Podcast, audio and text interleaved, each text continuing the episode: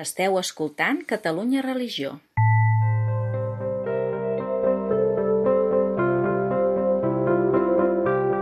Publicacions de l'Abadia de Montserrat ha publicat aquest mes de febrer el llibre Els empresonats i exiliats de la Bíblia. Es tracta d'un petit assaig que ha escrit el frare caputxí Jordi Cervera.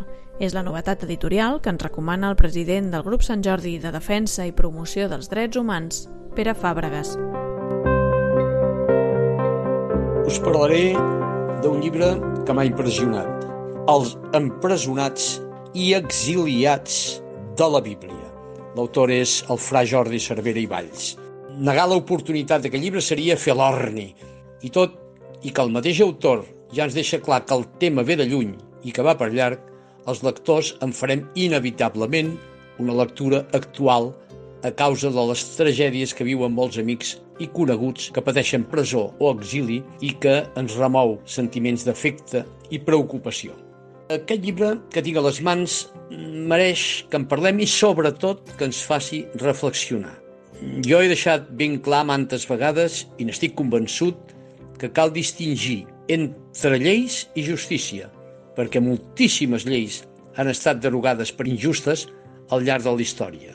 El mateix autor diu en el pròleg que per a qui escriu aquestes pàgines és la manera de compartir i de competir els empresonaments i els exilis dels qui, fins fa poc, eren asseguts a les cadires del nostre Parlament, escollits en unes eleccions i representant la diversitat ideològica del nostre poble.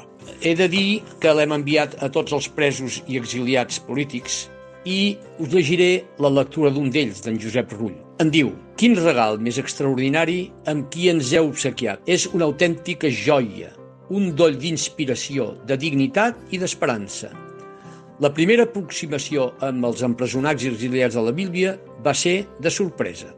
Era incapaç d'intuir la magnitud i la potència de relat del plantejament que fa Jordi Cervera.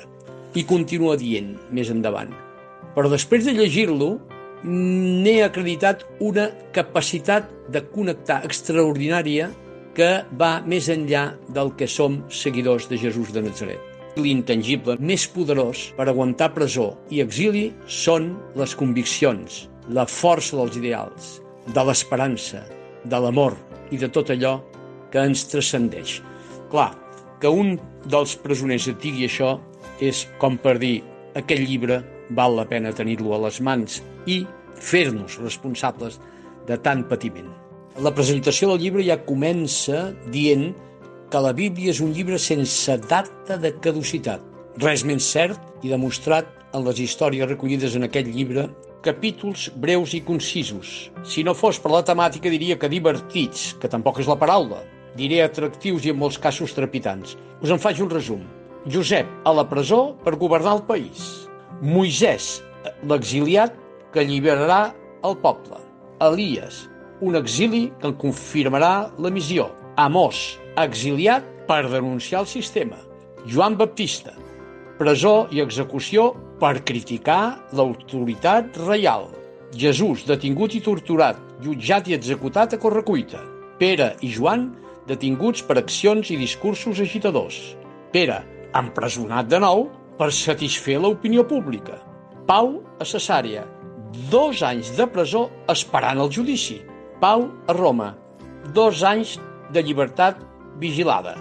Joan, encorretjant des de l'exili. Us recordo alguna cosa, tot això? Gràcies i que disfruteu d'aquest llibre. Catalunya Religió